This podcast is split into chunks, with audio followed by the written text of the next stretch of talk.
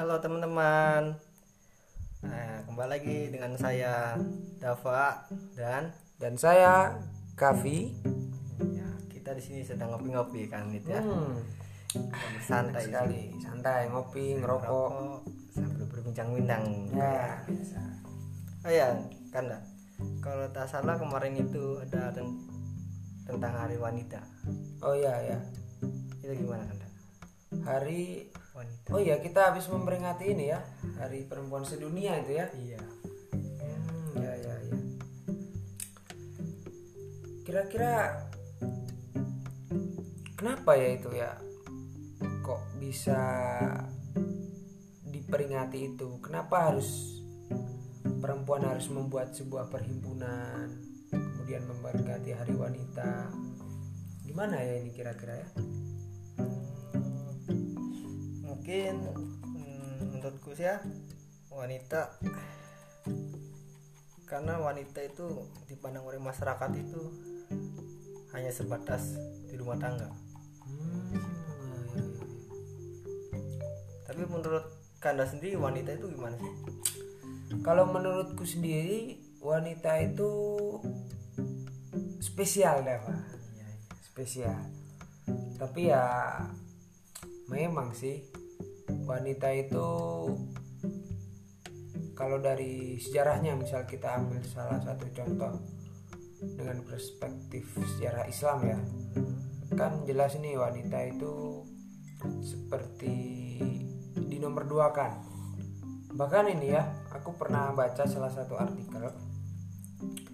Itu anak perempuan Khalifah Umar bin Khattab sebelum beliau masuk Islam itu katanya dikubur hidup-hidup katanya dalam artikel itu. Berarti kan itu menunjukkan bahwasanya ya wanita di nomor dua kan kan kayak gitu. Padahal Islam Islam sendiri itu kita mengajarkan kesetaraan. Hmm, jadi wajar saja ada memperingati Hari Wanita itu. iya menurutku wajar itu. menuntut rasa setara dengan orang-orang lain juga ya. Dengan gender-gender lainnya tapi gimana kan mau kalau wanita pada wanita pada zaman sebelum kemerdekaan itu Oh wanita sebelum kemerdekaan ya. Oh ini aku pernah baca salah satu bukunya Soekarno tentang Sarina. Hmm. Itu Soekarno itu menye- menceritakan begini Dava.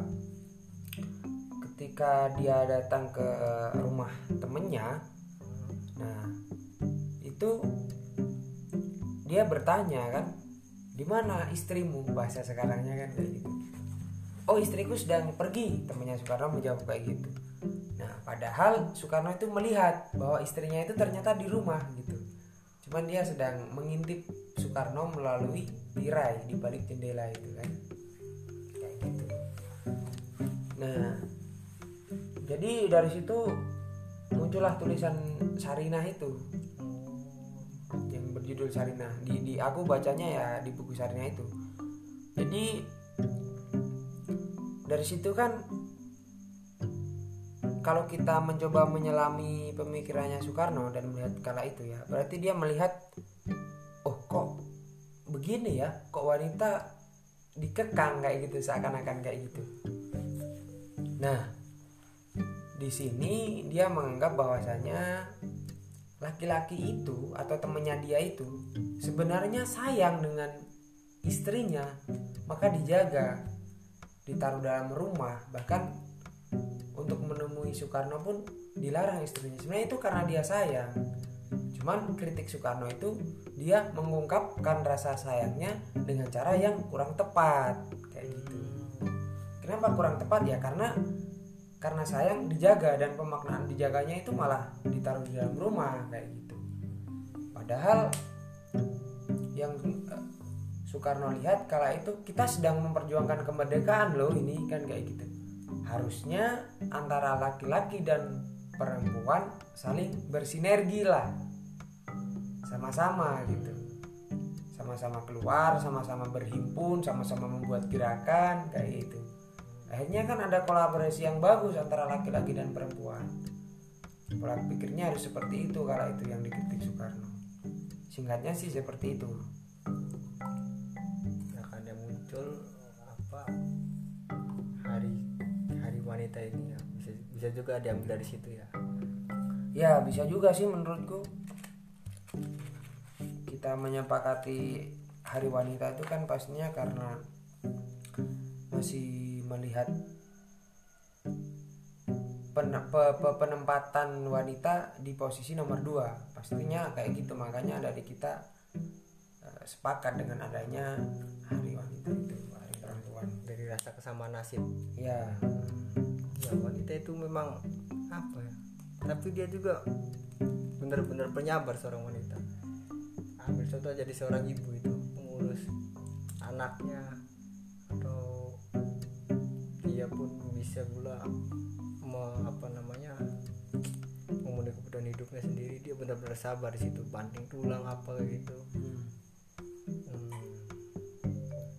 Tapi hmm, kalau wanita status wanita itu kan setahu tuh ketika gadis mencapai usia remaja. Hmm. Nah wanita sendiri dominan dengan perasaan situ. ya Nah itu bagaimana untuk wanita zaman sekarang nih? Bahkan dia tertarik mungkin ketika hanya berinteraksi dengan lawan jenisnya itu bisa memunculkan perasaan ya gitu. Itu oh gimana? iya iya Hmm. sebenarnya itu pertanyaan yang bagus aku jadi tertarik untuk bahas ini Eh, KDRT Kekerasan dalam rumah tangga itu. nah itu kekerasan dalam rumah tangga terkait perasaan tadi ya. Selain kepribadian ya kita coba eh, lepas per- perspektif dari kepribadian yang introvert atau ekstrovert dulu ya. Tapi secara umumnya kan laki-laki eh, cenderung gampang mengungkapkan ya terhadap wanita. Cuman kadang kalau wanita kan rata-rata nggak nggak banyak cuman rata-rata sulit ya. Seperti hmm, tersakiti misal atau bagaimana? Terkadang tersakit- sabarlah tersakiti. kayak gitu kan. Ini kanit ini pernah sakit juga. Ah, tahu sendiri lah. Iya, lanjut iya aja. jadi kadang ya udahlah di aja yang biar baik-baik aja gitu, gitu. Kadang kayak gitu. Ya mungkin kita sebagai laki-laki kurang bisa menyelami lebih dalam cuman aku sedikit tertarik aku pernah sih nulis artikel kecil-kecilan itu tentang kekerasan dalam pacaran manifestasi KDRT Hmm, jadi ini proses sebelum KDRT ini. Ya. Jadi ini ya memang sebatas opini ya, sebatas pemikiranku aja. Kayak gini Dava. Aku eh, melihat dari ini ya. Pola hubungannya temanku sendiri sih. Jadi dia itu pacaran nih. Ya. Nah, si, si temanku ini kan yang cewek, dia punya cowok. Mhm. Nah terus si cewek ini naik gunung bareng ke Gunung Andong waktu itu di Magelang. Nah, cuman rame-rame itu kan. Hmm. Cuman posisinya di situ ada mantannya. Ya mungkin ya kita tetap necting kan. Iya. Negatif thinking atau apa ya bahasa kerennya ya biar kelihatan keren lah kita di sini ya. Pokoknya itulah, pokoknya berpikiran buruk lah. Ya mungkin kalau kita cewek kita sama mantannya di satu forum kan kadang, wih ini baper nggak ya cewek gue ya jangan-jangan lepas nih. Sebenarnya itu hal yang wajar ya kekhawatiran. Cuman yang ku sorot itu pengungkapan ceweknya, eh cowoknya di sini. Jadi dia mengungkapkan ke ceweknya itu seakan-akan ya aku ini udah berjuang loh sama kamu gitu. Selalu ada berusaha kayak gitu. Cuman kok kamu malah enak-enakan bareng di Gunung Andong sama mantanmu gitu. Itu kan sebenarnya pengungkapan rasa cemburu. Cuman kan kurang pas ya. Mas konotasi enak-enakan itu dalam arti kan ya entah tidur bareng entah apa. Maksudnya kan di situ. makan bareng. Nah, cuman sayangnya yang dimaksud di sini itu ya tidur bareng. Nah mungkin kan itu menyakitkan ya buat Iya. ya namanya dituduh tidur bareng sama orang lain itu itu kan menyakitkan ya Dava ya. Iya. nah itu itu baru satu contoh. Memaknai kekerasan dalam pacaran itu kan tidak sekedar kekerasan fisik menurutku ya. dituduh seperti itu dengan ucapan kita yang menyakitkan. Itu kan kadang ucapan itu kan malah lebih menyakitkan kan kadang. nah itu itu apakah masuk kekerasan atau enggak? Aku nggak tahu kalau di undang-undang gimana ya cuman aku memaknainya ya itu termasuk menyakiti gitu loh. Sehingga itu ya masuk ke kekerasan. Itu satu contoh. Ada juga contoh lain Hmm. dia ditampar pernah juga temanku itu. Oh, berarti ini udah masuk ke fisik. ya udah masuk ke fisik. Artinya aku punya dua contoh kan kayak gitu. ada yang enggak yang dia dimaki-maki kan gitu. Berdasarkan lisan dan fisik. ya mungkin kalau bahasa kerennya apa ya verbal non verbal nah kayak gitu kan. Bahasa kerennya kayak gitu. Nah poinnya ya itu. Ketika dalam hubungan pacaran itu kan belum ada ikatan nikah ya ikatan resmi. Belajar dari dua temanku ini dua kawanku ini kan yang satu dia sukanya maki-maki nih pokoknya keras lah pokoknya. Cemburu dikit dimaki-maki. Cemburu dikit dimaki-maki. Bahasa kerennya posesif mungkin ya. Iya, iya. bahasa Hmm, ilmiah mungkin. iya ya mungkin bahasa apa ya? Bahasa anak muda ya. Oh, ah, cowokku posesif banget nih. cewek cewekku posesif banget nih ya. Itu kan bahasa kerennya. Iya. kadang sampai ada yang ini mau ikut organisasi cuman karena tahu ada satu temen yang dekatin misal cewekmu nih Hmm. ikut organisasi A. Terus ada yang cowok deketin cewekmu dia sampai melarang ceweknya berorganisasi itu loh. Tapi aku punya temen juga di Aul Sasiah itu. Dia pernah bilang ketika di Burjo cemburu itu tanda tak percaya diri katanya. Oh asem juga itu kata-katanya itu. Dan mungkin itu sedang nggak percaya diri mereka ya nah dari situ kan se- secara mu- mulutnya itu kan sering maki-maki melarang ini itu gitu itu yang pertama. Yang kedua itu sering main fisik. Nah itu kan masuk kekerasan. Ketika dalam sebuah hubungan pacaran itu dibangun dengan culture yang kita terapkan kesetaraan gender misalnya. Kesetaraan gender itu dalam arti bukan kodrat ya tapi seseperannya ya. Karena ketika berbicara kodrat kan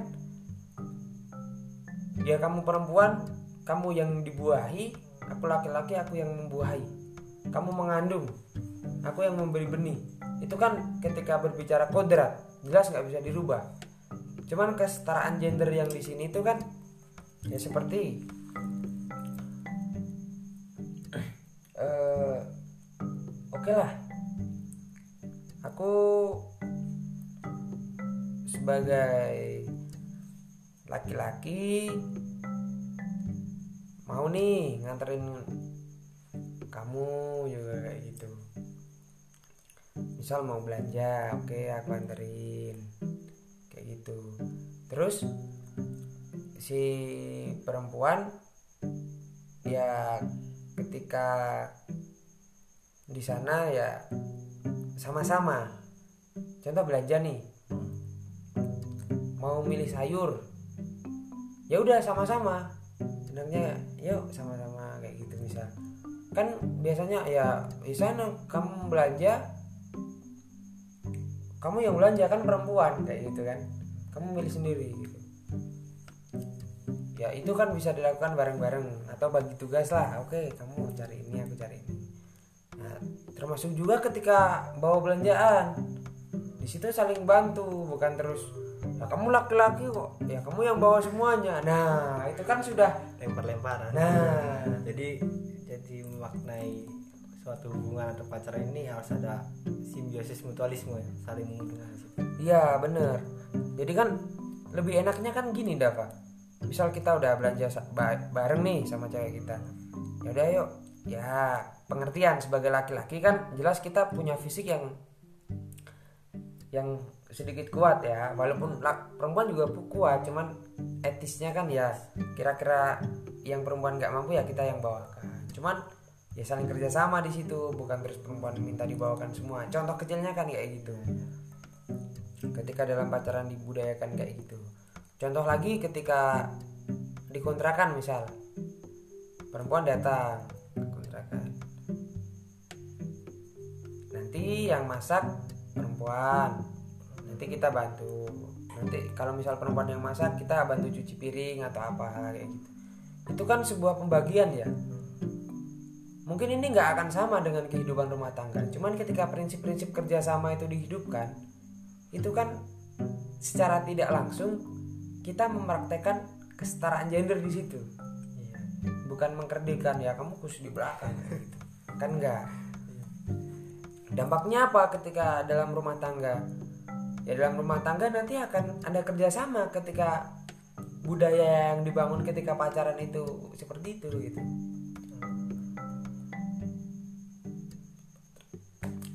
Eh, terus seperti dalam berpendapat. Pernah juga ini satu kasus ini. Jadi ketika bertengkar yang cowoknya ini kan pandai berdialog pandai berretorika lah. Nah ketika ada masalah sama ceweknya itu malah bukan ngobrol bareng untuk diselesaikan ngobrol bareng untuk mencari solusi. Bukan ke situ arahnya. Ketika ngobrol bareng arahnya malah sering ngajak debat gitu yang cowok ini. Nah, jadi kan akhirnya nahan hati nih ya udahlah dari kalau diobrolin bareng toh juga ujungnya debat nih, merasa paling pengalaman merasa paling dewasa. Ya akhirnya malah ceweknya mending diem. Itu kan salah satu contoh ya kita eh, seperti mengkerdilkan wanita. Coba ketika kita bangun dengan budaya ini ya kesetaraan gender misal ya akan sama-sama mendengar kayak gitu. Tapi di sini kita juga nggak mengkerdilkan laki-laki ya. Kadang ada juga wanita yang sering ngoceh terus kan ada kadang ya kadang. Untuk untuk menangani itu ya kita cuma diem dengarnya itu. Udah capek ya sekarang gitu cuman poinnya di situ sih kalau aku. Kalau dari budaya pacarannya kita udah dibangun dengan yang keras misal kata-kata keras atau apa sering terlontar itu kan bahaya ketika refleks di KDRT itu kan.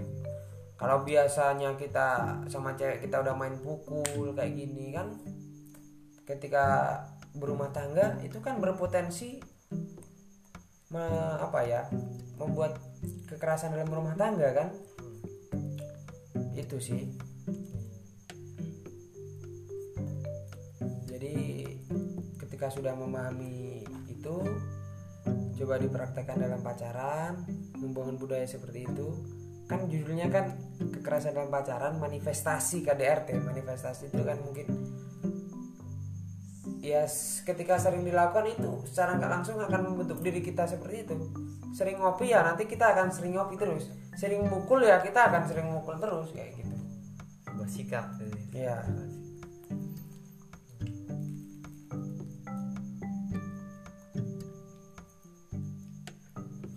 gimana ya kalau memaknai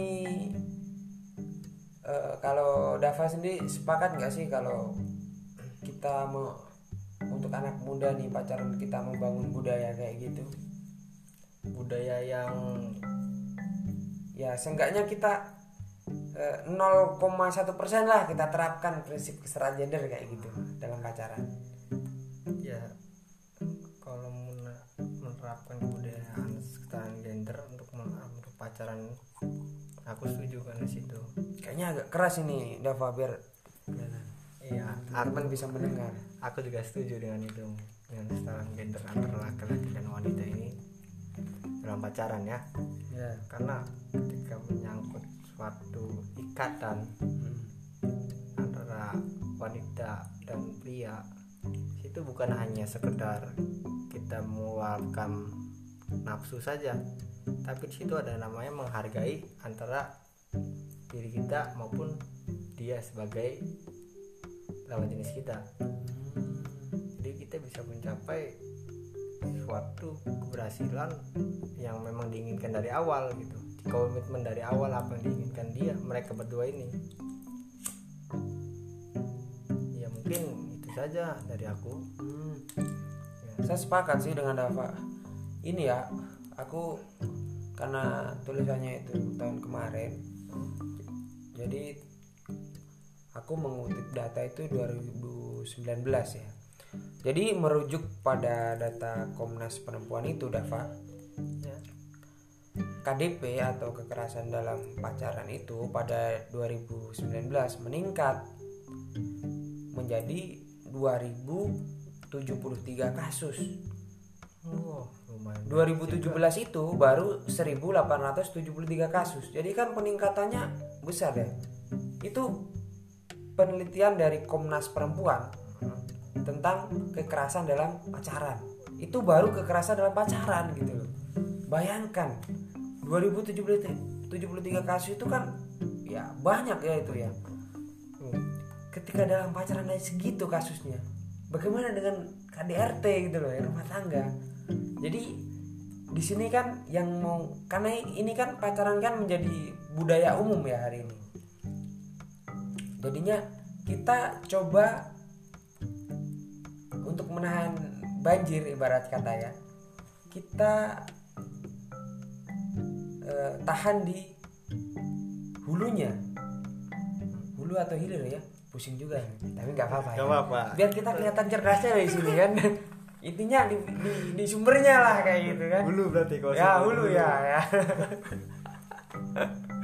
pokoknya kita di situ bukan kita di hilirnya kita banjir terus kita buat eh, danau atau apa enggak coba kita analisa di sana dulu kan gitu. Ya mungkin di sini berangkatnya dari pacaran ini. Kan di sini yang jelas datanya itu kan kekerasan dalam pacaran ya 2073 kasus pada 2019 nah ketika ada sebuah pemahaman bahwa oh begini loh dalam pacaran mungkin kita bisa terapkan prinsip keseta- kesetaraan gender meskipun hanya berapa persen. Seenggaknya itu akan membantu nanti ketika menikah kayak gitu jadi kalau aku ya apa ya itu menurutku penting sekali sih membangun budaya se- semenjak pacaran itu. Aku punya analogi kecil nih. Gimana kan kayak gini. Aku nih kan kita kan sama-sama suka motor tua nih. Iya ya, betul ya Dava Kak. pakai motor Vespa kan? Nah, aku pakai Astrea Prima kan? Ada namanya motorku Asep. Astrea 90 itu kan aku kasih nama karena aku cinta dengan motor tua kan?